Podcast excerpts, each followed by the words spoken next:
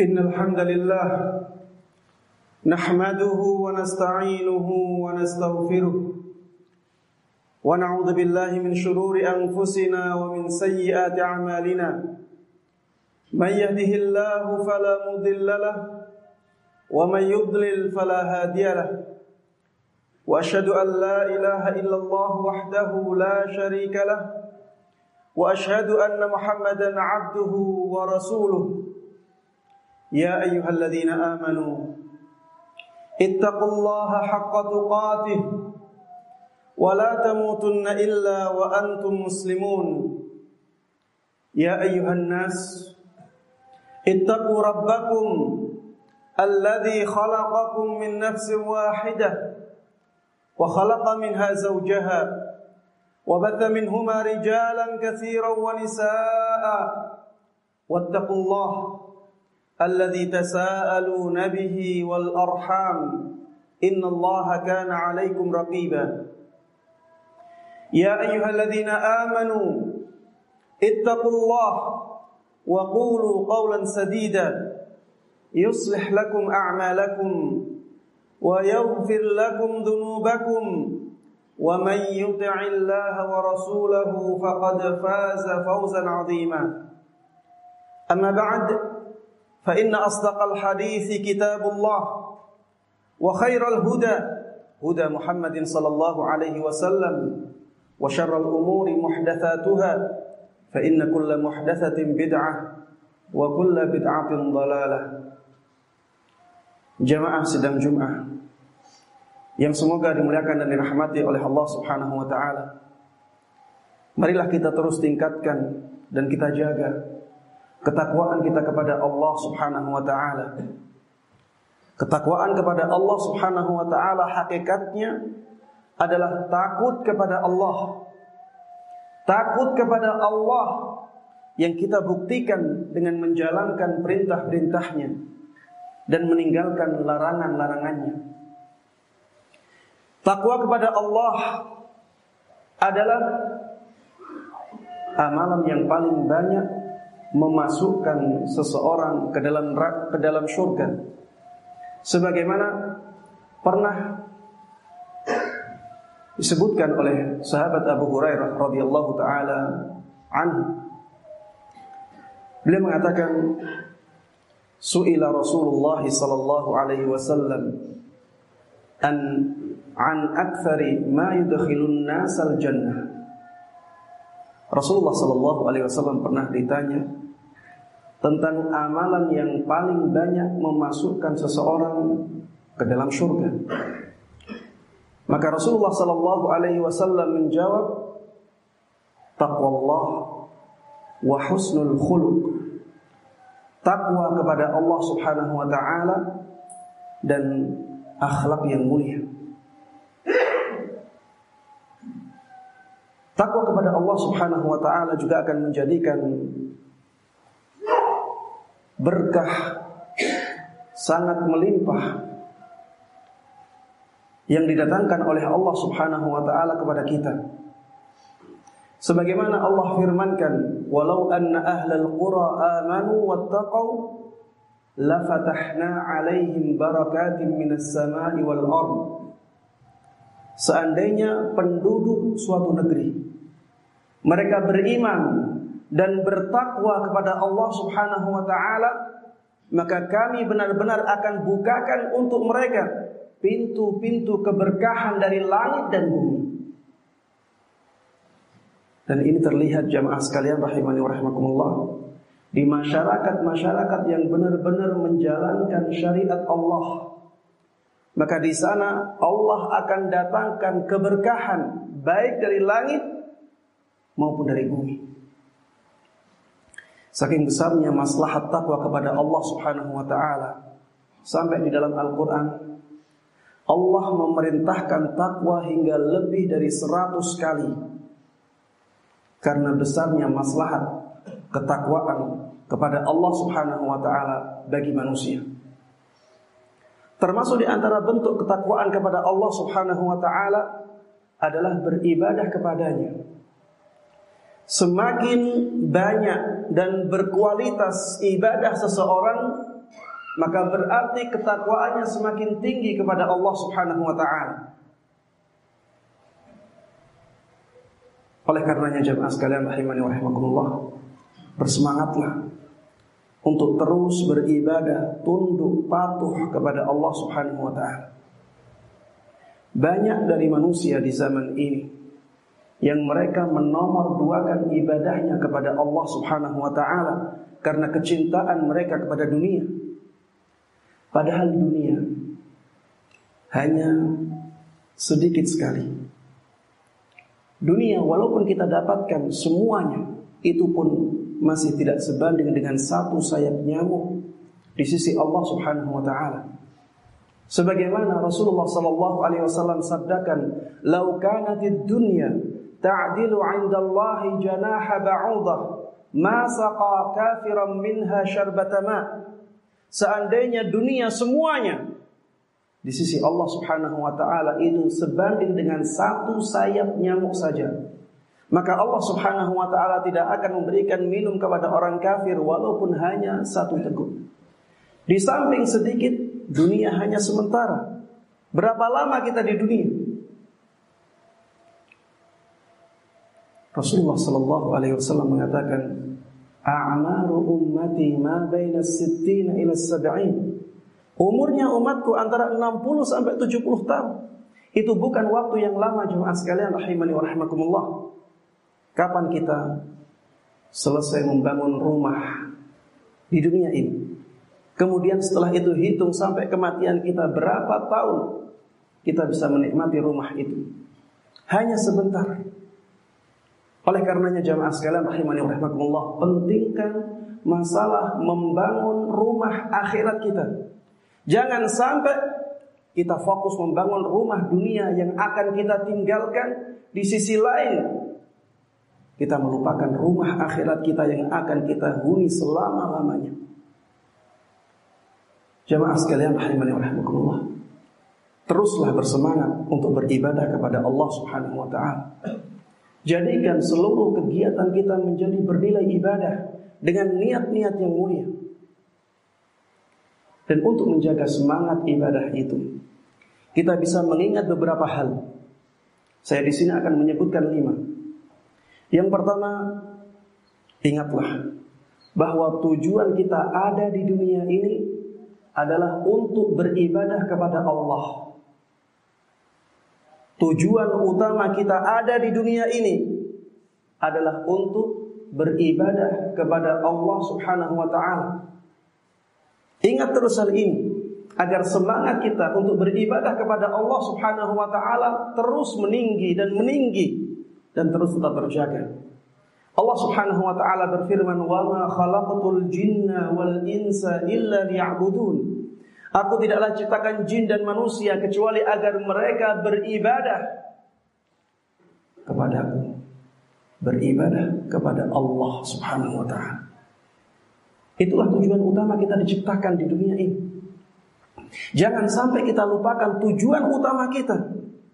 Kemudian kita malah menomor satukan tujuan-tujuan yang lain kalau misalnya ada orang dia kuliah kedokteran,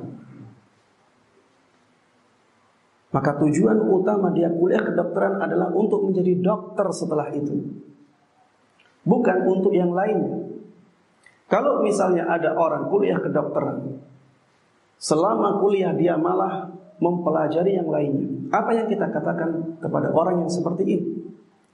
Orang seperti ini adalah orang yang tertipu, orang yang menyimpang dari tujuan utamanya. Maka jangan sampai kita demikian. Fokuslah dalam masalah ibadah kita kepada Allah Subhanahu wa taala. Nomor satukan itu. Yang lain kita bisa nomor duakan. Dan kalau kita menomor satukan ibadah, maka kita akan mendapatkan banyak sekali kebaikan. Jamaah sekalian rahimani wa rahimakumullah agar semangat ibadah kita benar-benar tetap terjaga tinggi ingatlah bahwa dengan ibadah Allah Subhanahu wa taala akan memudahkan rizki kita Dengan ibadah Allah Subhanahu wa taala akan memudahkan rizki kita. Bukankah Allah Subhanahu wa taala mengatakan wa may yattaqillaha yaj'al lahu makhraja wa yarzuquhu min haitsu la yahtasib?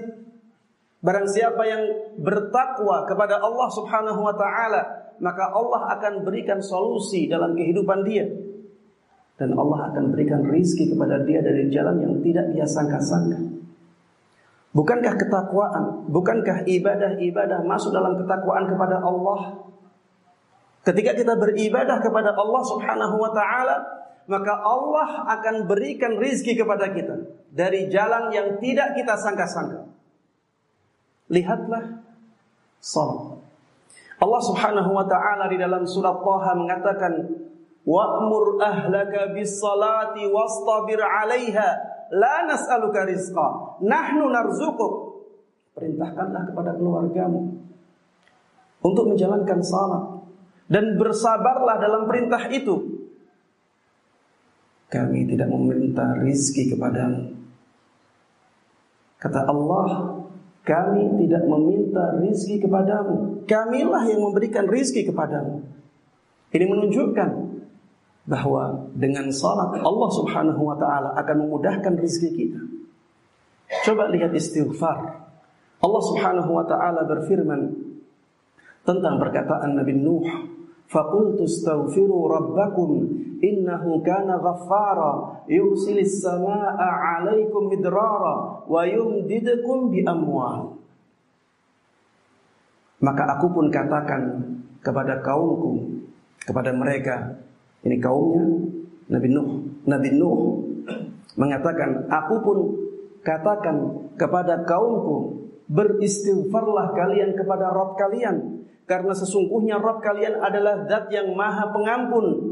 Apabila kalian melakukan demikian, Allah subhanahu wa ta'ala akan turunkan hujan kepada kalian. Kemudian Allah subhanahu wa ta'ala akan memberikan kepada kalian bi amwal harta yang melimpah. Kalau kalian banyak beristighfar kepada Allah, janji Allah, Allah akan memberikan harta yang melimpah. Itu menunjukkan bahwa ibadah bisa mendatangkan rizki dari Allah Subhanahu wa taala. Lihat amalan ibadah silaturahim Kata Rasulullah sallallahu alaihi wasallam, "Man sarrahu an yubsata lahu fi rizqihi wa an yunsa'alahu fi atharihi falyasil rahimah." Barang siapa yang senang apabila rizkinya dilapangkan, siapa yang ingin rizkinya dilapangkan dan umurnya dipanjangkan, maka lakukan silaturahim. Dan silaturahim adalah ibadah kepada Allah Subhanahu wa taala. Lihatlah sedekah. Salah satu ibadah kepada Allah. Apa kata Allah? Wa ma anfaqtum min khairin fahuwa yukhlifu. Wa ma anfaqtum min syai'in fahuwa yukhlifu. Apa pun yang kalian infakkan, kalian sedekahkan, maka dia akan menggantinya. Tentunya ganti Allah Subhanahu wa taala akan lebih baik dan lebih banyak dari yang kita keluarkan karena Allah Subhanahu wa taala adalah zat yang maha luas karunia-Nya dan zat yang maha pemurah. Jemaah sekalian rahimani wa. Di antara yang bisa menjaga semangat kita untuk beribadah kepada Allah Subhanahu wa taala adalah dengan mengingat bahwa ibadah akan menjadikan dosa-dosa kita diampuni oleh Allah Subhanahu wa taala. Jangan remehkan masalah dosa. Allah Subhanahu wa taala berfirman, "Wa ma asabakum min musibatin fabima kasabat aydikum." Musibah apa pun yang menimpa kalian sebabnya adalah dosa kalian sendiri. Zahar al-fasadu fil barri wal bahr bima kasabat aydin nas. Kerusakan di muka bumi dan di laut tampak Kenapa? Karena kesalahan-kesalahan tangan manusia. Itulah dosa. Dosa jemaah sekalian rahimani wa rahimakumullah bisa membinasakan bahkan orang-orang saleh. Rasulullah Shallallahu Alaihi Wasallam pernah ditanya, anuhlak wa fina salihun. Apakah kita akan dibinasakan? Padahal di tengah-tengah kita banyak orang saleh. Apa kata Rasulullah Sallallahu Alaihi Wasallam? Naam, idza kathura al-khabath. Iya, apabila dosa sudah merajalela, kekejian, perzinaan sudah merajalela, Itulah bahayanya dosa jemaah sekalian rahimani wa rahimakumullah dan dosa bisa menghalangi rezeki kita. Kata Rasulullah sallallahu alaihi wasallam, "Innar rajul la yuhramu dzambu la yuhramu rizqu min dzambin yusib." Seseorang bisa dihalangi dari rezekinya. Seseorang bisa dihalangi dari rezekinya karena dosa yang dia lakukan. Karena bahayanya dosa.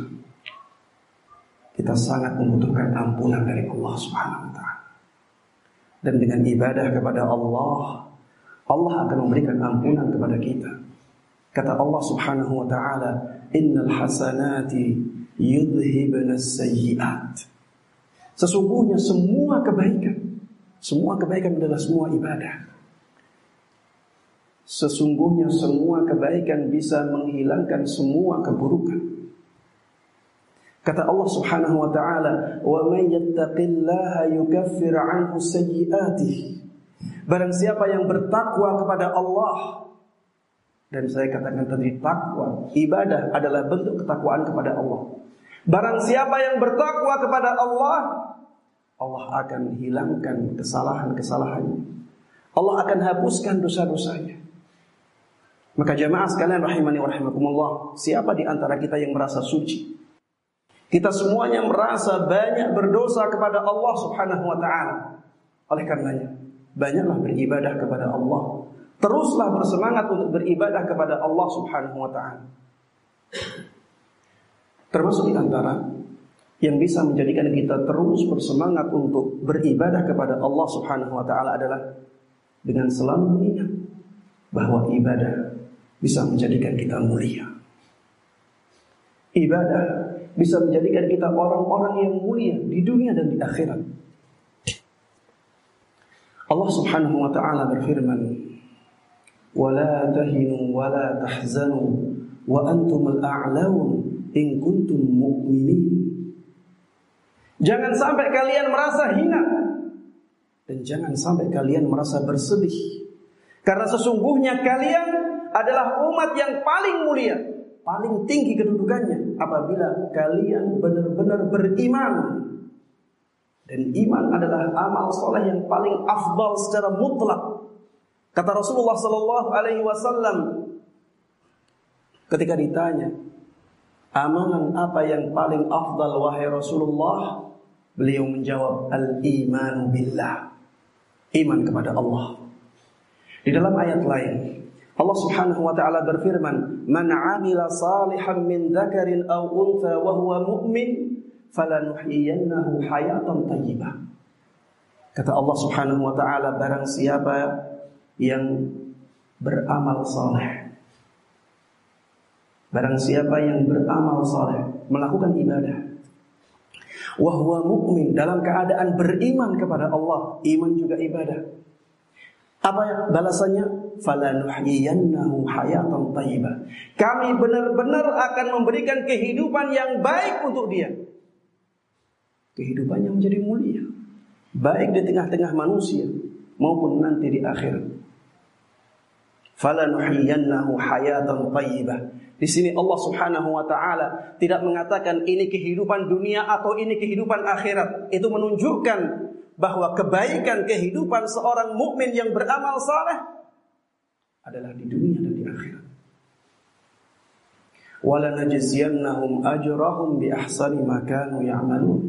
Dan Allah katakan kami benar-benar akan memberikan pahala kepada mereka yang beramal saleh dalam keadaan beriman dengan pahala yang paling baik atau lebih baik dari mereka dari uh, amalan yang pernah mereka lakukan. Jemaah sekalian rahimani rahimakumullah yang terakhir yang bisa menjadikan kita terus bersemangat untuk beribadah kepada Allah Subhanahu wa taala adalah dengan mengingat amalan dengan mengingat keutamaan-keutamaan setiap amalan. Apabila kita ingin semangat untuk sholat, maka carilah keutamaan-keutamaan sholat dan ingat-ingat terus keutamaan sholat itu. Bahwa sholat adalah amalan yang sangat dicintai oleh Allah Subhanahu wa taala. Bahwa sholat bisa menjadikan seseorang bersih dari dosanya bahwa dengan salat seseorang akan ditinggikan derajatnya di sisi Allah Subhanahu wa taala dan seterusnya. Ingat-ingat keutamaan-keutamaan salat. Kalau kita mengingat terus keutamaan salat, maka kita akan semangat menjalankan salat. Kalau kita ingin semangat bersedekah, ingat-ingat terus keutamaan bersedekah. Bahwa bersedekah bisa melapangkan harta seseorang, bahwa sedekah bersedekah bisa memadamkan api kemurkaan Allah Subhanahu wa taala bahwa bersedekah akan menjadikan manusia mencintai kita bahwa dengan bersedekah Allah Subhanahu wa taala akan menjadikan kita mendapatkan pahala yang agung di sisinya dan seterusnya. Kita ingin semangat untuk membaca Al-Qur'an maka ingat-ingat terus keutamaan membaca Al-Qur'an bahwa satu hurufnya bisa mendatangkan sepuluh kebaikan. Kita ingin semangat untuk bersolawat untuk Rasulullah Sallallahu Alaihi Wasallam.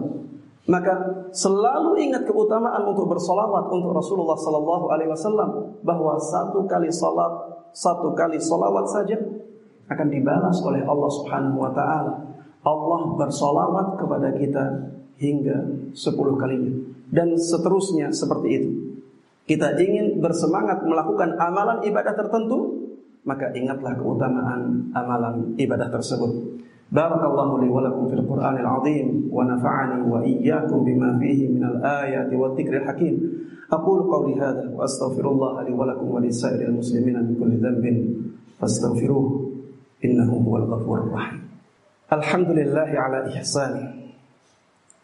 والشكر له على توفيقه وامتنانه. وأشهد أن لا إله إلا الله وحده لا شريك له تعظيما لشأنه. وأشهد أن محمدا عبده ورسوله الداعي إلى رضوانه صلى الله عليه وعلى آله وصحبه ومن تبعهم بإحسان إلى يوم لقائه. jemaah sedang Jumat yang saya cintai karena Allah Subhanahu wa taala. Ketika kita sudah semangat untuk beribadah kepada Allah Subhanahu wa taala. Jadilah orang yang selektif dalam beribadah kepada Allah.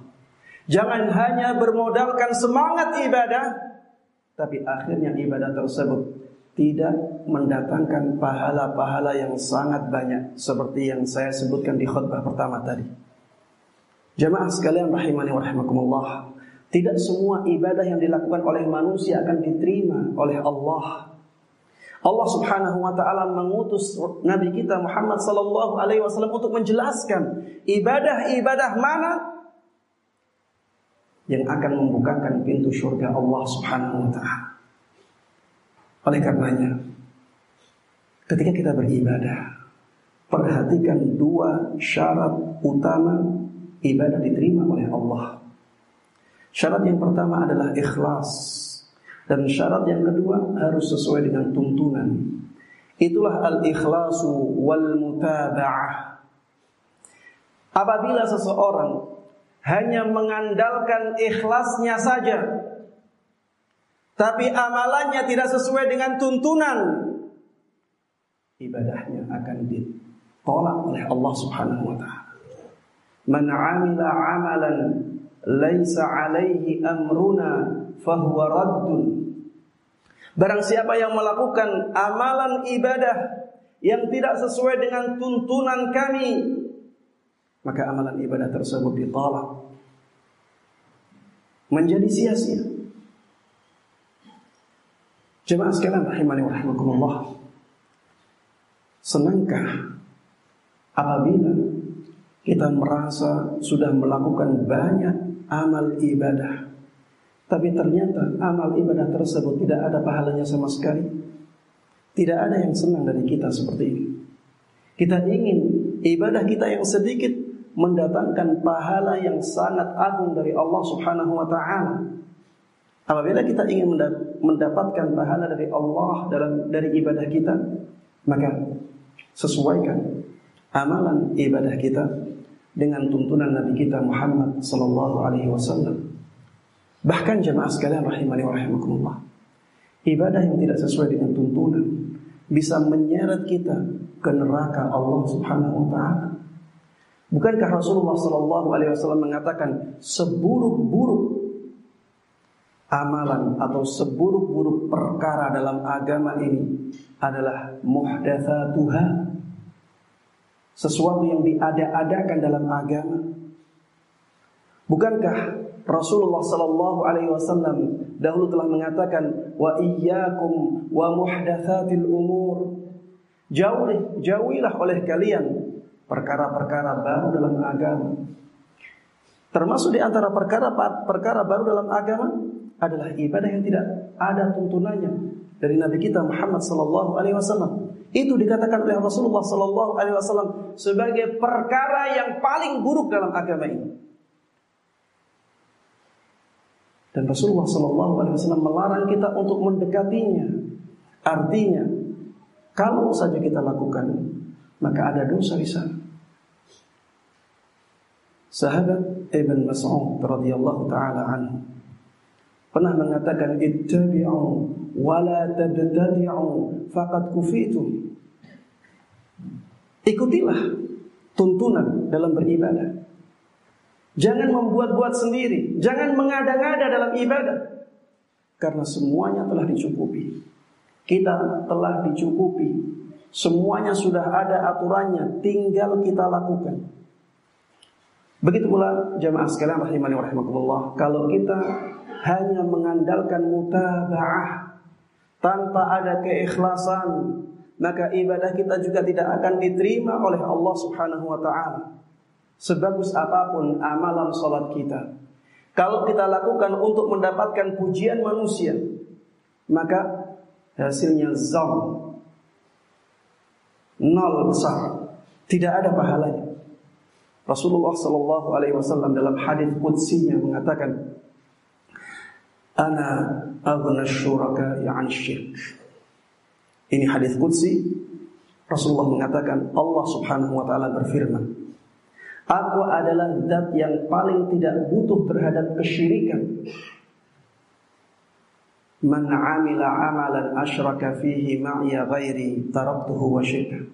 Barang siapa yang melakukan amalan ibadah yang di dalamnya dia melakukan kesyirikan kepadaku, maka aku akan tinggalkan dia sebagai pelaku amalan dan aku akan tinggalkan amalannya sehingga tidak ada pahalanya.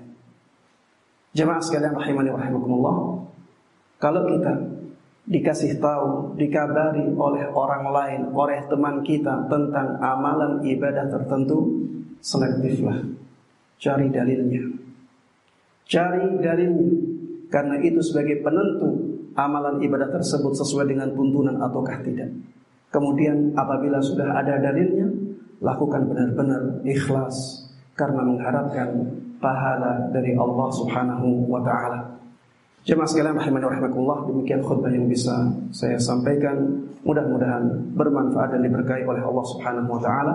Dan di akhir khutbah saya berdoa mudah-mudahan Allah Subhanahu wa taala terus menjaga kita menjaga orang-orang yang ada di sekitar kita dalam keimanan dan ketakwaan kepada Allah Subhanahu wa taala. Dan saya mengajak kepada seluruh jamaah untuk banyak-banyak bersolawat untuk Rasulullah sallallahu alaihi wasallam karena ini adalah hari Jumat, hari yang sangat istimewa dan Rasulullah sallallahu alaihi wasallam memerintahkan kita semuanya untuk memperbanyak solawat di hari Jumat ini. Allahumma salli ala Muhammadin wa ala ali Muhammad كما صليت على إبراهيم وعلى آل إبراهيم إنك حميد مجيد. وبارك على محمد وعلى آل محمد كما باركت على إبراهيم وعلى آل إبراهيم إنك حميد مجيد. وارض اللهم عن الخلفاء الراشدين أبي بكر وعمر وعثمان وعلي وعن الصحابة والتابعين وتابعيهم بإحسان إلى يوم الدين. اللهم اغفر للمسلمين والمسلمات والمؤمنين والمؤمنات الأحياء منهم والأموات. اللهم اقسم لنا من خشيتك ما تحول به بيننا وبين معاصيك ومن طاعتك ما تبلغنا به جنتك ومن اليقين ما تهون به علينا مصائب الدنيا ومتعنا بأسمائنا وأبصارنا وقواتنا أبدا ما أحيتنا واجعله الوارث منا واجعل ثأرنا على من ظلمنا وانصرنا على من عادانا. ولا تجعل الدنيا أكبر همنا ولا مبلغ علمنا ولا تسلط علينا بذنوبنا من لا يخافك ولا يرحمنا. اللهم إنا نسألك من الخير كله عاجله وآجله ما علمنا منه وما لم نعلم. ونعوذ بك من الشر كله عاجله وآجله ما علمنا منه وما لم نعلم. اللهم إنا نسألك خير ما سألك عبدك ورسولك محمد صلى الله عليه وسلم. ونعوذ بك من شر ما استعاذك منه عبدك ورسولك محمد صلى الله عليه وسلم. ربنا آتنا في الدنيا حسنة وفي الآخرة حسنة وقنا عذاب النار. ربنا ظلمنا أنفسنا وإن لم تغفر لنا وترحمنا لنكونن من الخاسرين. وصلى الله وسلم وبارك على نبينا محمد وعلى آله وصحبه ومن تبعهم بإحسان إلى يوم الدين. والحمد لله رب العالمين. أقم الصلاة.